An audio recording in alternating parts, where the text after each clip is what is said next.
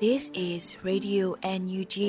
the voice of National Unity Government of Myanmar, broadcasting for Myanmar Spring Revolution. Radio NUG is transmitting from shortwave 16 meter 17.79 megahertz at 8:30 a.m. and 25 meter 11.94 megahertz at 8:30 p.m. Myanmar Standard Time. မင်္ဂလာပါရှင်။အမျိုးသားညီညွတ်ရေးအစိုးရရဲ့အတန်လွတ်ဌာန Radio NUG ကိုမန္တပိုင်း၈နိုင်ခွဲမှာလိုင်းတူ6မီတာ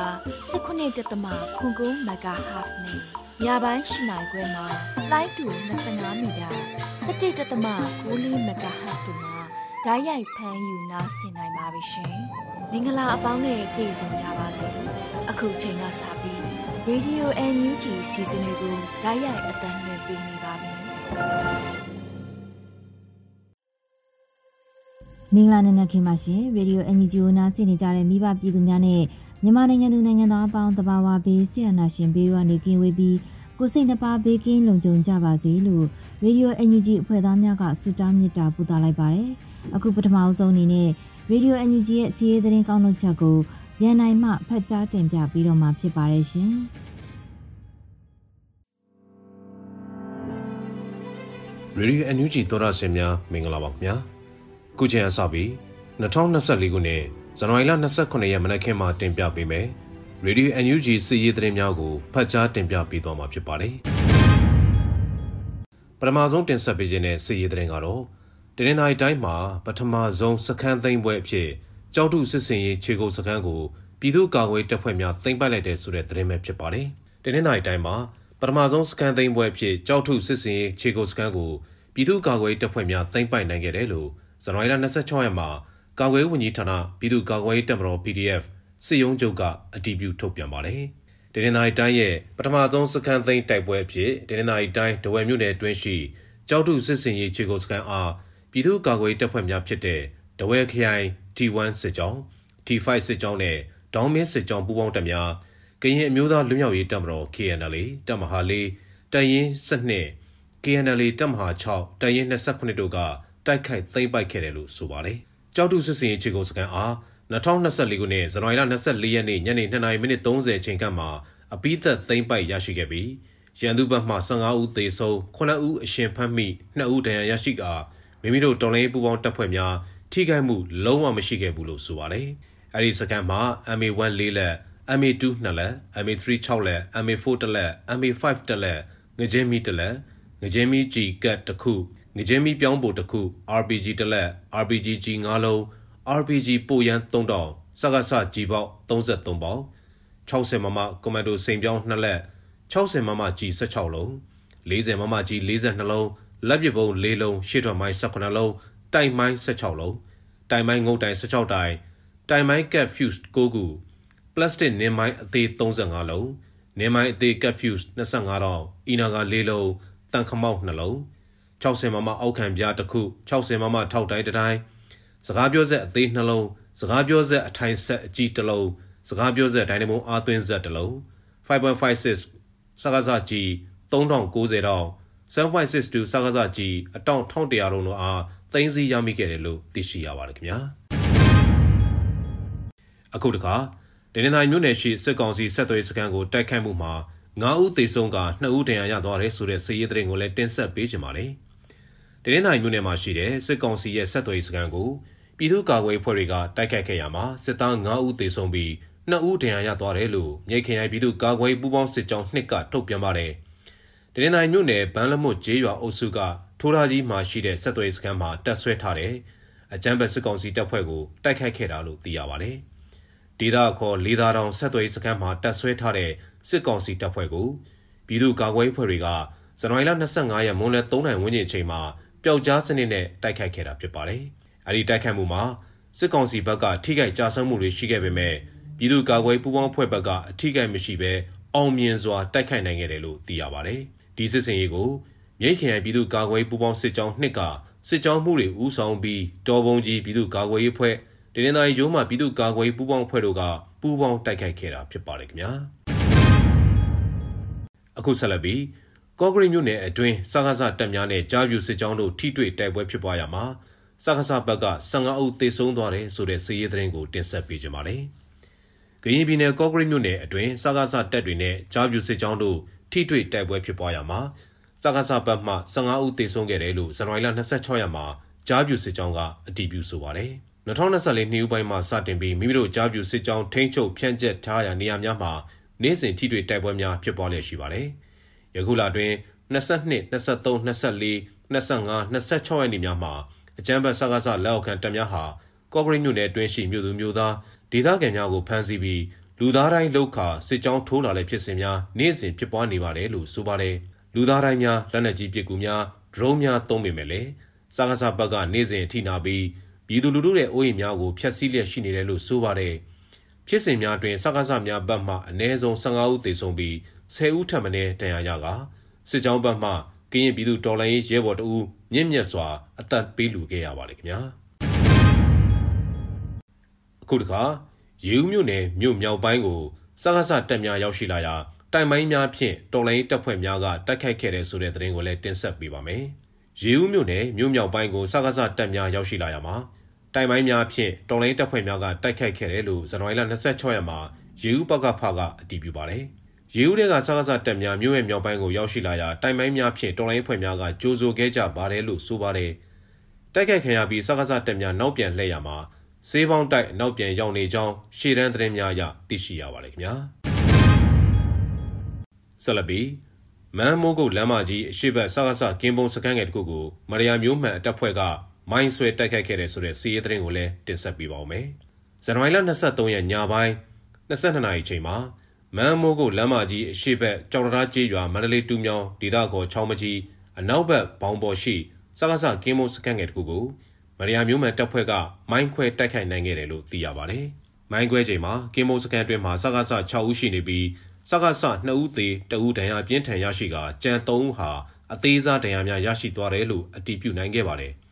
မရယာမျိုးမှန်တပ်ဖွဲ့အနေနဲ့ဒီကနေ့ချိန်ထိစစ်စင်ရေးပေါင်း68ခုဖော်ဆောင်ထားနိုင်ခဲ့က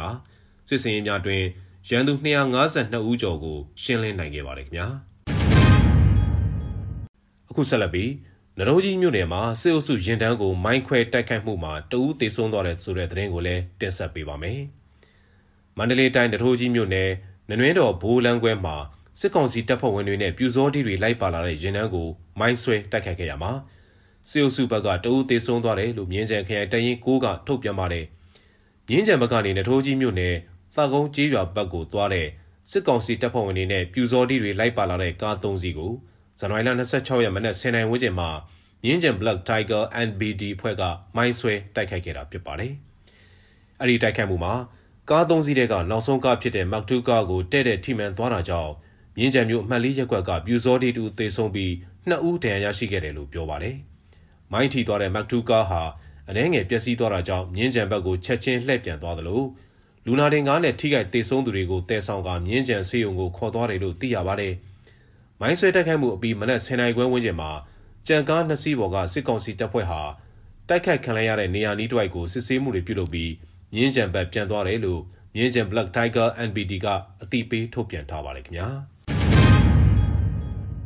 အခုနောက်ဆုံး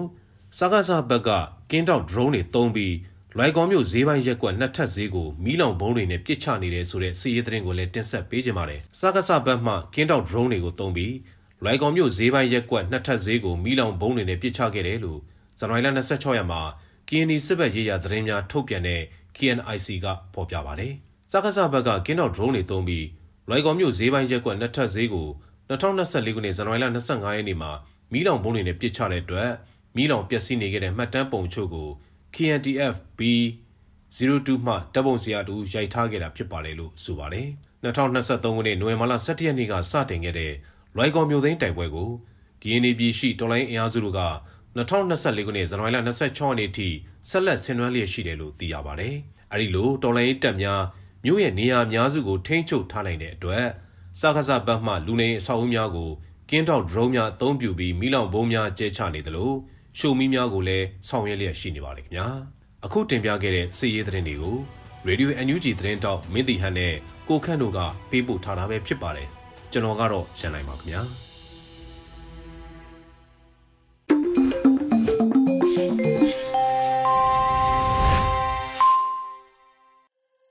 ရေဒီယိုအန်ယူဂျီရဲ့မြက်ခင်းအစီအစဉ်တွေကိုဆက်လက်အသံလွှင့်ပေးနေပါတယ်။အခုတစ်ခါမှာတော့နောက်ဆုံးရပြည်တွင်းသတင်းများကို စောတဲလူနေမှဖတ်ကြားတင်ပြပြီးတော့မှာဖြစ်ပါတယ်ရှင်။မင်္ဂလာပါခင်ဗျာခုချိန်ရစပြီး2024ခုနှစ်ဇန်နဝါရီလ28ရက်နေ့မနက်ခင်းပြည်တွင်သတင်းများကိုစတင်တင်ပြပေးပါတော့မယ်ပထမအဆုံးအနေနဲ့ဂျာကာလာဒေသန္တရပြည်သူ့အုပ်ချုပ်ရေးဖော်ဆောင်မှုဘိုကော်မတီနဲ့စကိုင်းတိုင်းရှိမြို့နယ်ပြည်သူ့အုပ်ချုပ်ရေးအဖွဲ့များတွဲဆုံဆွေးနွေးပွဲပြည်ထောင်စုဝင်ကြီးဆလိုင်းလျံမုံစာကောင်တက်ရောက်တဲ့တဲ့ရင်ကိုတင်ပြပေးသွားမှာဖြစ်ပါတယ်။ အမျိုးသားညီညွတ်ရေးဆိုရာဂျာကာလာဒေသန္တရပြည်သူ့အုပ်ချုပ်ရေးဖော်ဆောင်မှုပိုကော်မတီနဲ့စကိုင်းတိုင်းမြို့နယ်ပြည်သူ့အုပ်ချုပ်ရေးအဖွဲ့များတွေ့ဆုံဆွေးနွေးပွဲအစည်းအဝေးရှင်းမြင့်ဆောင်2024ကိုဇန်နဝါရီလ26ရက်နေ့မှာကျင်းပခဲ့ပြီးပြည်ထောင်စုဝန်ကြီးဆလိုင်းညံမုံစာကောင်တက်ရောက်အဖွဲ့မှစကားပြောကြားပေးခဲ့ပါရခင်ဗျာဆက်လက်၍ ဝင်ကြီးဌာနများမှလုပ်ငန်းစဉ်များနဲ့ပတ်သက်၍ရှင်းလင်းပြောကြားခဲ့ပြီးမြို့နယ်ပြည်သူ့အုပ်ချုပ်ရေးအဖွဲ့ဝင်များမှမူဝါဒအလံညွှန်ချက်များလုပ်ငန်းဆောင်ရွက်ချက်များမြေပြင်ခက်ခဲများပေါ်သိရှိလိုသည့်များကိုမေးမြန်းဆွေးနွေးခဲ့ကြ၍ဝင်ကြီးဌာန၏တာဝန်ရှိသူများမှပြန်လည်ဖြေကြားပေးခဲ့ပါသည်အစည်းအဝေးသို့ပြည်ထောင်စုဝင်ကြီးအမြဲတမ်းတွင်ဝင်များဒုတိယအတွင်းဝင်များတွဲဖက်အမြဲတမ်းတွင်ဝင်များဌာနဆိုင်ရာမှတာဝန်ရှိသူများစကိုင်းတိုင်းရှိမြို့နယ်ပြည်သူ့အုပ်ချုပ်ရေးအဖွဲ့ခေါင်းဆောင်များအဖွဲ့ဝင်များတက်ရောက်ခဲ့ကြတယ်လို့သိရှိရပါတယ်ခင်ဗျာ။ ဘရူဆဲလ်မြို့တော်ဥရောပပါလီမန် Spinelli 3H1 ခမ်းမမှာမြန်မာနိုင်ငံစစ်အာဏာသိမ်းမှုနောက်ဒီမိုကရေစီပြန်လည်တည်ဆောက်ခြင်းကောင်းစဉ်ဖြင့်ကျင်းပမယ့်ညီလာခံကို NUG ဝင်ကြီးများတက်ရောက်မဲ့တဲ့တင်ကိုဆက်လက်တင်ပြပေးသွားပါမယ်။ဘရူဆဲမြို့တော်ဥရောပပါလီမန် Spinelli 3H1 ခမ်းမမှာမြန်မာနိုင်ငံစစ်အာဏာသိမ်းမှုနောက်ဒီမိုကရေစီပြန်လည်တည်ဆောက်ခြင်းကောင်းစဉ်ဖြင့်ကျင်းပမယ့်ညီလာခံကို NUG ဝင်ကြီးများတက်ရောက်မယ်လို့မြန်မာ Community in Italy ကဇန်နဝါရီလ26ရက်နေ့မှာအသိပေးဆိုလိုက်ပါတယ်။ အဆိုပါညီလာခံကို2024ခုနှစ်ဖေဖော်ဝါရီလ1ရက်နေ့မှာဘရူဆဲမြို့တော်ဥရောပပါလီမန် Spinelli 3H1 ခမ်းမမှာမြန်မာနိုင်ငံစစ်အာဏာသိမ်းမှုနောက်ဒီမိုကရေစီပြန်လည်တည်ဆောက်ခြင်းကောင်းစဉ်ဖြင့်ကျင်းပသွားမှာဖြစ်ပါတယ်။ဒီမိုကရေစီလိုလားကြသူပြည်သူများ၏ကြံ့ကြံ့ခံတော်လှန်မှုကြောင့်မြန်မာနိုင်ငံမှာစစ်အာဏာသိမ်းရန်ကြိုးပမ်းခြင်းမအောင်မြင်မှု၃နှစ်ပြည့်အချိန်ကာလမှာမြန်မာနိုင်ငံပြည်သူများရဲ့ဒီမိုကရေစီပြန်လည်တည်ဆောက်ခြင်းလုပ်ငန်းစဉ်များမှာဥရောပသမဂ္ဂနဲ့အဖွဲ့ဝင်နိုင်ငံများအခြားနိုင်ငံတကာအဖွဲ့အစည်းများအနေနဲ့ မိသည့်အခမ်းကဏ္ဍများမှာပါဝင်ကူညီပေးနိုင်မည်ကိုဆွေးနွေးတင်ပြသွားရန်ကျင်းပမှာဖြစ်တယ်လို့သိရှိရပါတယ်။ညီလာခံသို့ဥရောပကော်မရှင်ဥက္ကဋ္ဌဟောင်းရိုမန်နိုဘရိုဒီအမျိုးသားညီညွတ်ရေးအစိုးရကျန်းမာရေးနဲ့ပညာရေးဝန်ကြီးဒေါက်တာဇော်ဝေဆိုအမျိုးသားညီညွတ်ရေးအစိုးရအမျိုးသမီးလူငယ်နဲ့ကလေးငယ်ရေးရာဝန်ကြီးနော်ဆူဇန်နာလှလှဆိုမြမအရေးနဲ့နိုင်ငံရေးကျွမ်းကျင်သူတွေသည်မာတင်စမစ်ဥရောပပါလီမန်နဲ့အမျိုးသားညီညွတ်ရေးအစိုးရဆက်ဆံရေးတာဝန်ခံ Philip Anawit The Parliamentary Association of Friend of Burma အဖွဲ့ဥက္ကဋ္ဌဟောင်း Albertina Soliani ARD Policy Exchange တာဝန်ခံ Michael Marek Crossby တို့တက်ရောက်ဆွေးနွေးသွားမှာဖြစ်တယ်လို့သိရှိရပါတယ်ခင်ဗျာ။ဆက်လက်တင်ပြပေးမှာကတော့အင်တာနက်ဆက်သွယ်ရေးကောင်းမွန်လာတဲ့အတွက်စစ်ကောင်စီရဲ့ကျူးလွန်မှုတွေကိုတန်တမန်အတိုင်းဝိုင်းကိုတရက်အတွင်းပြန်ပြနိုင်ပြီလို့လူခွေရေးဆိုင်ရာဝန်ကြီးဆိုလိုက်တဲ့သတင်းပဲဖြစ်ပါတယ်။ အင်တာနက်ဆက်သွယ်ရေးကောင်းမွန်လာတဲ့အတွက်စစ်ကောင်စီရဲ့ကျူးလွန်မှုတွေကိုတန်တမန်အတိုင်းဝိုင်းအားတရက်အတွင်းပြနိုင်ပြီလို့လူခွေရေးဆိုင်ရာဝန်ကြီးဦးအောင်မျိုးမင်းကဇန်နဝါရီလ26ရက်နေ့မှာကျင်းပတဲ့ Federal Net တော်လှန်ရေးစကားဝိုင်းမှာဆွေးနွေးပြောကြားလိုက်တာဖြစ်ပါတယ်။လူခွေရေးဆိုင်ရာဝန်ကြီးဌာနအနေနဲ့အရင်ကထက်ပုံမမြန်ဆန်တဲ့သတင်းတွေကိုရရှိပါတယ်။ပုံမတိကျတဲ့အချက်လက်တွေကိုဆက်သွယ်မှုကောင်းတဲ့အတွက်ရရှိနိုင်ပါတယ်။သတင်းတွေကောင်းလာရင်ကဘာကိုပြဖို့အတွက်တင်ပြမှုကတော့ပိုပြီးမြန်လာပါတယ်ဒါအပြင် diplomatic Vraven လို့ခေါ်တဲ့တန်တမန်တွေကိုတကားပိတ်တင်ပြနိုင်တဲ့အရာကအရင်လိုတစ်ပတ်လောက်မကြာဘူး။အင်တာနက်ကောင်းဆက်သွယ်မှုကောင်းတဲ့အတွက်ကြောင့်ဖြစ်ဖြစ်ချင်းတရက်အတွင်းမှာလှုပ်ဆောင်နိုင်တယ်လို့ဝန်ကြီးကဆိုထားပါတယ်။လူခွင့်ရေးဆိုင်ရာဝန်ကြီးဌာနအနေနဲ့2023ခုနှစ်ဒီဇင်ဘာလအတွင်းစစ်ကောင်စီရဲ့ရာဇဝတ်ကျူးလွန်မှု၅ခုကိုသတင်းမှတ်တမ်းရရှိခဲ့ပြီးတမူးခရိုင်တွင်ခံပတ်တွင်လေကြောင်းတိုက်ခိုက်မှုအပြီးအရသားများတေဆုံးမှုကိုအခင်းဖြစ်ပြီးနောက်တရက်အတွင်းသတင်းစာရှင်းလင်းပွဲကျင်းပနိုင်ခဲ့ပါတယ်ခင်ဗျာ။ ကိုရီးယားလွှတ်တော်အမတ်များခမ်းမမှာကျင်းပမယ်မြန်မာအရေးကြားနာပွဲပြည်ထောင်စုဝန်ကြီးဦးအောင်မျိုးမင်းတက်ရောက်ဆွေးနွေးမဲ့တဲ့ရင်ကိုတင်ပြပေးသွားပါမယ်။ကိုရီးယားလွှတ်တော်အမတ်များခမ်းမမှာကျင်းပမယ်မြန်မာအရေးကြားနာပွဲကိုပြည်ထောင်စုဝန်ကြီးဦးအောင်မျိုးမင်းတက်ရောက်ဆွေးနွေးမယ်လို့ဇန်နဝါရီလ26ရက်နေ့မှာကိုရီးယားနိုင်ငံ NUG ကိုယ်စားလှယ်ရုံးကအတည်ပြုဖော်ပြထားပါတယ်။ဖေဖော်ဝါရီလတရက်နေ့မွန်လယ်တနာရီမှ၄နာရီထိကိုရီးယားလွှတ်တော်အမတ်များခမ်းမမှာနွေဦးတော်လှန်ရေး၃နှစ်ပြည့် တစ်တုံညာနှစ်ကွန်စစ်စင်ရေးကိုမိမောင်းထိုးပြခြင်းမြန်မာရေးကြားနာပွဲကိုအထူးဆွေးနွေးသူအဖြစ် NUG လူခွင့်ရေးဆိုင်ရာဝန်ကြီးဦးအောင်မျိုးမင်းကတက်ရောက်ဆွေးနွေးသွားမှာဖြစ်ပါတယ်။၎င်းခန္ဓာကို NUG ကိုရီးယားနိုင်ငံဆိုင်ရာကိုယ်စားလှယ်ယုံနဲ့လွှတ်တော်အမတ်ကိုရောင်အင်းနဲ့ပေါမောက်ခဘက်ကွန်ဟွန်းတို့ကကျင်းပသွားမှာပဲဖြစ်ပါတယ်ခင်ဗျာ။ ဖက်ဒရယ်နက်ကမ်ပိန်းမှာရရှိငွေကြေးများနဲ့မြို့နယ်လေးမြို့နယ်မှာလူထုကိုအင်တာနက်မျှဝေသုံးစွဲတာကိုစတင်နိုင်ခဲ့တယ်ဆိုတဲ့သတင်းကိုတင်ပြပေးသွားပါဦးမယ်။အဆိုပါသတင်းကိုပြည်ထောင်စုဝန်ကြီးဦးထင်းလင်းအောင်ကပြောကြားခဲ့တာဖြစ်ပါတယ်။ဇန်နဝါရီလ26ရက်နေ့မှာကျင်းပတဲ့တော်လိုင်းရေးစကားဝိုင်းမှာဆက်သွယ်ရေးသတင်းချန်နယ်နဲ့ဤပညာဝန်ကြီးဌာနပြည်ထောင်စုဝန်ကြီးဦးထင်လျောင်ကအသိပေးပြောကြားခဲ့တာပါ။ကမ်ပိန်းရဲ့ရာဂိုင်နှုန်းကကျွန်တော်တို့ဒီတလောက်ဆိုရင်80ကျော်84ရာဂိုင်နှုန်းထိအောင်မြင်ခဲ့ပါတယ်။ ဒီ84ရာခိုင်နှုန်းအောင်မြင်တာနဲ့ငွေစရပြီးတာနဲ့မြေပြင်မှာစားပြီးအကောင့်ထဲပေါ်ခဲ့တယ်လို့ပြောရင်မမှားပါဘူးလူထုကိုစားပြီးတော့အင်တာနက်ပေးဖို့အကောင့်ထဲပေါ်နိုင်ခဲ့တယ်ဒီလောက်ငွေကြေးလေးနဲ့ပဲမြို့နယ်လေးမြို့နယ်မှာလူထုကိုစပြီးတော့အင်တာနက်မျှဝေသုံးစွဲတာတွေကိုစတင်နိုင်ခဲ့ပြီဖြစ်ပါတယ်မြေပြင်လူထုကလည်းပြောပြီးတော့ပူပေါင်းဆောင်ရွက်မှုတွေပို့ပြီးတော့အားကောင်းလာတာလည်းတွေ့ရတယ်လို့ဆိုထားပါတယ် အမျိုးသားညီညွတ်ရေးဆိုရာဆက်သွယ်ရေးသတင်းချန်နယ်နဲ့ဤပညာဝန်ကြီးဌာနကမြို့နယ်၅မြို့နယ်မှာအင်တာနက်တိုးချဲ့တက်ဆင်နိုင်ရန်ရည်ရွယ်၍ Federal Net Campaign ကိုစတင်လှုပ်ဆောင်ခဲ့တာဖြစ်ပါတယ်ခင်ဗျာ။ Federal Net Campaign ရဲ့တော်လိုင်းရေးစကားဝိုင်းအပိတ်တော်ရှိုးထုတ်လွှင့်တင်ဆက်ခဲ့တဲ့အကြောင်းကိုဆက်လက်တင်ပြပေးသွားပါဦးမယ်။ Federal Net Campaign အပိတ်အဖြစ်ဇန်နဝါရီလ26ရက်နေ့မြန်မာစံတော်ချိန်ညနေ9:00နာရီမှာတော်ရှိုးလေးတစ်ခုကိုထုတ်လွှင့်တင်ဆက်ခဲ့တယ်လို့သိရှိရပါတယ်။အဆိုပါတော်လှန်ရေးစကားဝိုင်းမှာပြည်ထောင်စုဝန်ကြီးဦးထင်လင်းအောင်ပြည်ထောင်စုဝန်ကြီးဦးအောင်မျိုးမင်းပြည်ထောင်စုဝန်ကြီးဒေါက်တာဆဆာဦးတန်မျိုးဦးမိုးစေရွှေဘုံခရိုင်တာဝန်ခံမတ်သက်လုံးမိုးစေကောလင်းခရိုင်တာဝန်ခံနဲ့ကိုဝေအောင်တို့မှမော်ဒရီတာအဖြစ်ပါဝင်ခဲ့တယ်လို့သိရှိရပါတယ်။ အမျိုးသားညီညွတ်ရေးဆိုရာဆက်သွယ်ရေးသတင်းချန်နယ်နဲ့ဤပညာဝန်ကြီးဌာနကမြို့နယ်၅မြို့နယ်အတွက်အင်တာနက်တိုးချဲ့တက်ဆင်နိုင်ရေးအတွက်ရည်ရွယ်၍ Federal Net Campaign ကိုလှုပ်ဆောင်ခဲ့ခြင်းဖြစ်ကြောင်းသိရှိရပါတယ်ခင်ဗျာအခုတင်ပြခဲ့တဲ့သတင်းတွေကိုတော့ Radio NG သတင်းတောက်မင်းတီဟန်နဲ့ကိုခန်းတို့ကပေးပို့ထားတာဖြစ်ပါတယ်ကျွန်တော်စောတဲလူနေပါ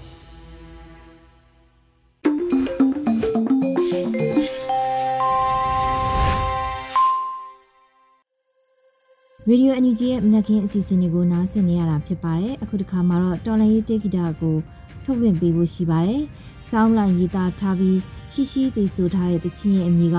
အရှုံးမပေးခြင်းလို့အမည်ရပါတယ်ရှင်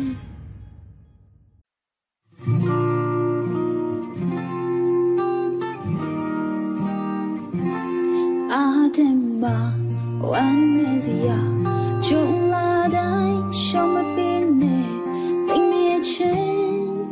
မင်းပြောမပြတ်ရှိဆက်သွားလူဝဆိုတာရှင်နာတော့မချမချခက်ခဲများတဲ့တွေ့မယ်ယုံကြည်လိုက်မင်းလုံးကတတိရှိနိုင်မှာကြံဆုံးနေနေရမြအချို့ကရည်တွေ့ချကြ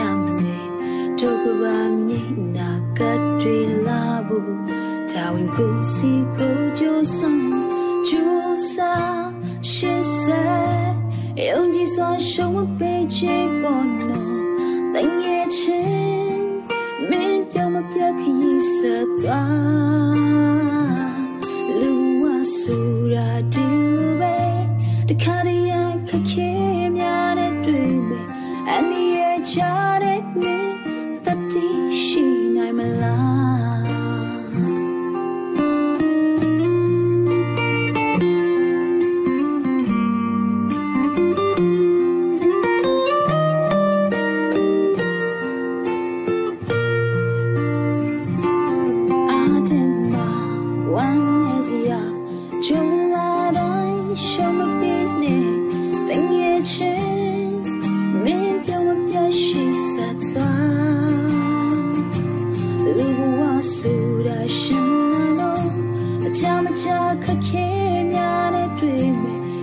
情。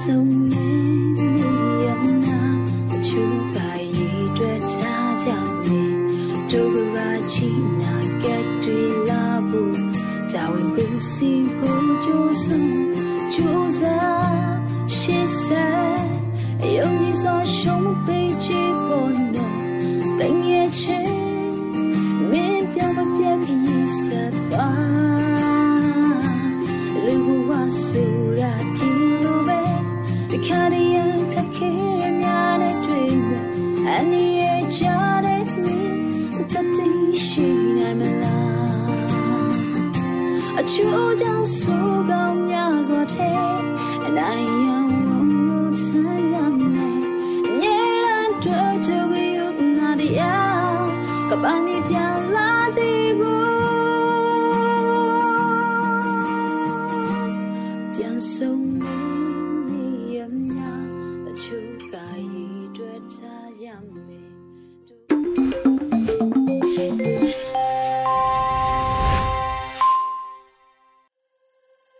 ရေဒီယိုအန်ဂျီမှဆက်လက်အသံလွှင့်ပေးနေပါတယ်။အခုဒီကမှာတော့ PPTV ရဲ့နေ့စဉ်သတင်းများကို Rainbow ဖတ်ကြားတင်ပြပေးတော့မှာဖြစ်ပါတယ်ရှင်။ အခုချိန်ကစပြီး PPTV သတင်းတွေကိုတင်ဆက်ပေးသွားမှာပါကျမရိမ့်ပါ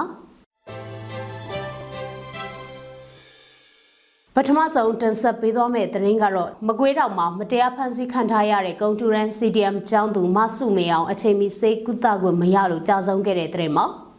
မကွေးအကျဉ်းတော်မှာမတရားဖန်ဆီးခံထားရတဲ့မကွေးတက္ကသိုလ်ဓာတုပေဒအထူးပြုကုံတူရန် CDM ကျောင်းသူမဆုမေအောင်က ထောင်အတွင်းကျမ်းမာရေးစောင့်ရှောက်မှုမရတာနဲ့အချိန်မီစိတ်ကုသခွင့်မရတာတွေကြောင့်ကြာဆုံးခဲ့ရတယ်လို့သိရပါတယ်။မကွေးတက္ကသိုလ်ကျောင်းသားသမဂ္ဂနဲ့မကွေးတက္ကသိုလ်ဂျာကလာယာယီအုပ်ချုပ်ရေးကောင်စီတို့ကကြာဆုံးခဲ့ရတဲ့ကုံတူရန် CDM ကျောင်းသူမဆုမေအောင်အတွက်မိသားစုနဲ့ထပ်တူထက်မြဝန်းနေရကြောင်းကြေညာချက်ထုတ်ပြန်ခဲ့ပါတယ်။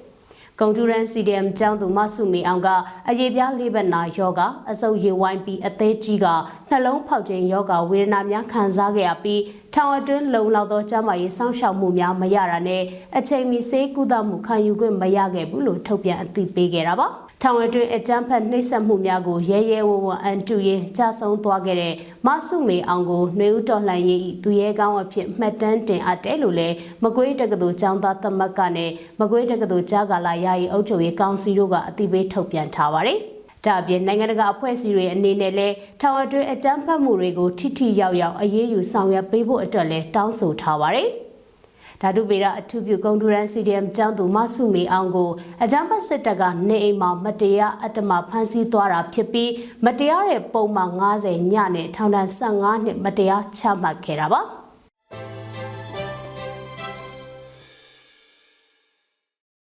အခုနောက်ဆုံးအနေနဲ့မြန်မာနိုင်ငံတဝန်းကလူမျိုးပေါင်းစုံဘာသာပေါင်းစုံပါဝင်တဲ့စစ်အာဏာရှင်အမြင့်ပြတ်ချင်းမုံရေးလူထုဆန္ဒပြပွဲသတင်းတွေကိုစူးစီးတင်ဆက်ပေးသွားမှာပါ။ရမပင်မြို့နယ်ရဲ့နောက်ပြန်မလဲကြီးဒီတော်လိုင်းရေးတပိတ်စစ်ကြောင်းကအကြမ်းဖက်စစ်တပ်ကြရှုံရေးဆန္ဒပြတပိတ်ကိုပြုလုပ်ခဲ့ကြပါတယ်။တော်လန်ပြည်သူတွေကနောက်ပြန်မလဲကြီးတီတော်လှန်ရေးတပိတ်စစ်ကြောင်းနဲ့ဖက်စစ်တပ်ကစွန့်ခွာကြပြည်သူရင်ခွင်ခိုလုံကြောင်းဆိုတဲ့စာသားကိုကန်ဆောင်ပြီးအကြမ်းဖက်စစ်တပ်ကြရှုံရေးဟစ်ကြွေးမှုတွေပြုလုပ်ခဲ့ကြတာပါ။ ရမပင်မြို့နယ်ဖက်ဒရယ်အတွက်ပြည်သူလက်တွဲတပိတ်စစ်ကြောင်းကအကြမ်းဖက်စစ်တပ်ကြရှုံရေးဆန္ဒပြတပိတ်ကိုပြုလုပ်ခဲ့ကြပါတယ်။ဆန္ဒပြတော်လှန်ပြည်သူတွေကဖက်ဒရယ်အတွက်ပြည်သူတွဲလက်တပိတ်စစ်ကြောင်းဆိုတဲ့စာသားကိုကိုင်းဆောင်ကအကြမ်းဖက်စစ်အာဏာရှင်အမြင့်ပြတ်ချင်းမုံရေးချီတက်ဆန္ဒပြခဲ့ကြတာပါရမပင်မြို့နယ်ရွှေနွယ်သွေးတပိတ်စစ်ကြောင်းကရပ်ပေါင်း918ရက်မြောက်အဖြစ်နဲ့အကြမ်းဖက်စစ်တပ်ကြရှုံရေးဆန္ဒပြတပိတ်ကိုပြုလုပ်ခဲ့ကြပါတယ် ဆန္ဒပြတော်လှန်ပြည်သူတွေကရွှေနေသွေးတပိတ်စစ်ကြောင်းဆိုတဲ့စာသားကိုကိုင်ဆောင်ကအကြမ်းဖက်စစ်အာဏာရှင်အမြင့်ပြတ်ချင်းမုံရေးချီတက်ဆန္ဒပြခဲ့ကြတာပါဆန္ဒပြတော်လှန်ပြည်သူတွေဟာနေမြမငိမ့်သက်မှုတွေကြားတဲ့ကနေအကြမ်းဖက်စစ်တပ်ကြရှုံရေးဆန္ဒပြတပိတ်ကိုနေ့စဉ်ပြုလုပ်နေကြတာပဲဖြစ်ပါတယ်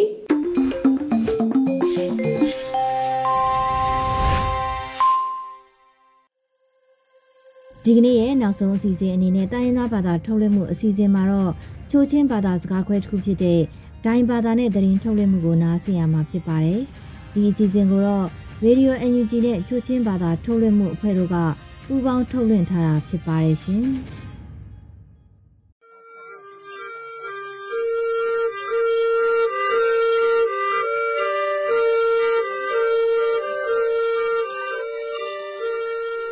ဘာဘေနာနနိခတ်ယာဤကေမောတူငွိစီစုခါဂိုယခုခွန်းစုမတုံနိမုံယာကာသပ်တုံယေဆွန်ကေဒိုင်ဆောထိုင်နောကနင်းယမ်ထေလတူခိုင်နီအခုကပလေဝါခုလူတောင်းစန်ဤကီစေစပူယာခုဝအနင်းလာကခေါမနုထုံတုံနက်ဝေကီတီယာထံအန်ဟီနာကတုဆုမ်ကွန်လူအိန္ဒိယနာဝါဒေါကီ စက်စပူယဝလဘေခိုင်စီကီခါယောင်အဒနာလမ်ဘရိုင်ဒီဘရောက်ကီတျာထံအဖုနာကဘာယာအင်းတီယံလာကာငုံခမိုင်တီဒူအင်းတီယဘွိုင်နော်ပက်ကီတျာထံပီမိုင်ဝဲဝဲကီနီအဖုနာကကချင်ခွာစက်စာဖရန်ဟီနော်เซนเฮดโกอันนี้หอยอูเทียทางเงนี่ยังไงตูเคยกักนี้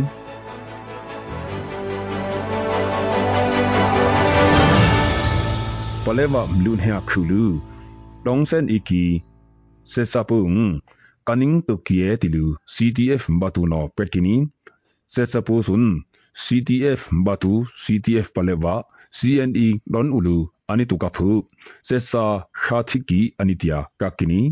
ချီကုကလပ်ကီယာစေစပုဆွန်နော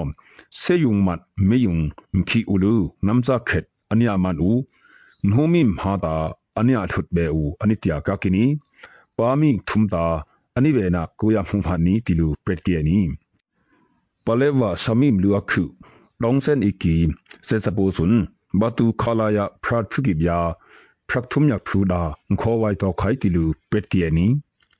အဟိနာခွန်နထုမ်ဒုံနာဟီ CTF ဒိုင်ပီယဘွိခိုင်စစ်ကီတီလူသံဘက်ကနီတုတ်ဆုမ်လူမီဆိုရမ်ဒါဝဒုံအကီဆက်စပူယဘဒုဘက်ခိုင်စစ်ကီခါယောင်ဇွန် အလမ်ဒွန်နာပရိုင်လူစင်ဘရကီတီလူခနမ်တုံပါမစ်နောပက်ကနီအဆုနာခါယောင်ဇွန်စစ်တုခါကိုယပ်ဖုံငွေလမ်ခဘရာငါအိုက်ဆောမ်လူလင်းပွီခါယောင်ကုနာ adon yang ko lai lu sim broki sum loki akhu lem ulu kang ania se pui ti lu thang pe kini kokum thong hi kunum ku yak thum thin khang ka no tu tu siksu khawi hi mizoram da wa doki se sa phak phu sun ba be da ania tha lo be bung ti lu thang ve kini ba ya india ang la ka ngong won wai ti lu india boy no tu kha ခလိကောမ်နှုပုန်ပက်ကီနီဘပေယာအန်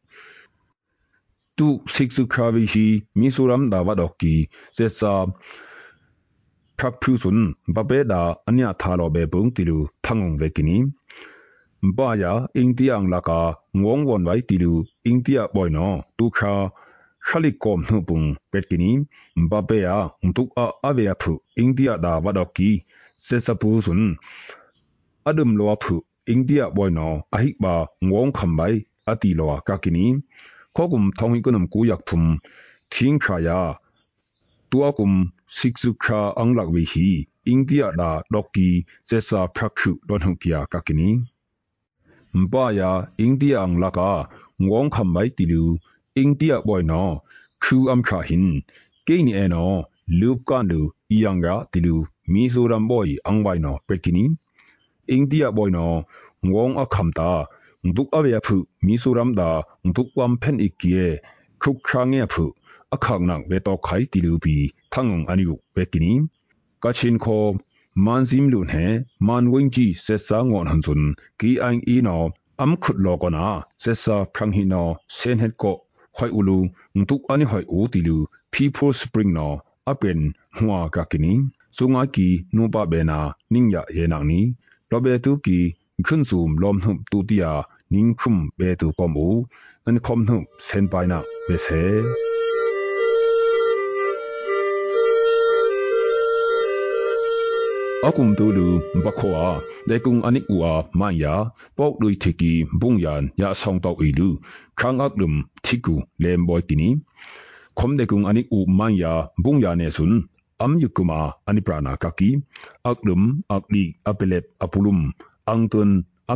akum tu lu bakhoa de kung anik ua maya pok lui thiki bungyan ya song tok ilu khang ak lum thiku lem boy tini khom de kung anik u maya bungya ne sun am yukuma ani prana kaki aklum akli apelep apulum angtun aksak anghum tiare ki ahine hin ku kau e se ulu adupsa nin heong pi pok lui thiki ni အဆုနာဖုဟိနာကူအိစကီဆောင်းတော့အီအန်ချောဝယာအတူလမ်ဖူမတ်ဝိုင်ထုကီနီဒေကုံအနိဥဝမန်ယာပေါကဒွိထေကီဘုံယာနေဟင်အထာနုံတုအဝေနာအထီထာယာတုအဝေနာထုနာဝက်ကီယာကကီ အဆုနာထုန်နာနိဝဖောင်ယမ်စင်းနာကေနာနိယဘုံစီဝိုင်ပေါကလွိထိကီယေဆွန်းကုနာနိယဟဲခွိုင်ဘင်းဘင်းဝိုင်အဆုနေဆွန်းအကလမပေါကူလူယာလမ်ဆူတီကုစခောကိနီကုတ်ဥပေယံခောဘုံယန်မိုင်းနာနိယဖုန်ခရက်ဆေယံပီနာနိယမ်သေးဝိုင်နဖူအာကုအကူအေဆေတာအထောနုံတာမစင်းနာကေယမ်စင်းလူဆုံအီကီခါငုံနာနိယပရဝိုင် ဒီကနေ့ကတော့ဒီညနေပဲ Radio NUG ရဲ့အစီအစဉ်လေးကိုခေတ္တရနာလိုက်ပါမယ်ရှင်မြန်မာစံတော်ချိန်မနေ့၈နိုင်ခွဲနဲ့ည၈နိုင်ခွဲအချိန်တွေမှာပြောင်းလဲဆိုပြကြပါလို့ရှင် Radio NUG ကိုမနေ့ပိုင်း၈နိုင်ခွဲမှာလိုင်းတူ16မီတာ19.7မဂါဟတ်နဲ့ညပိုင်း၈နိုင်ခွဲမှာလိုင်းတူ25မီတာ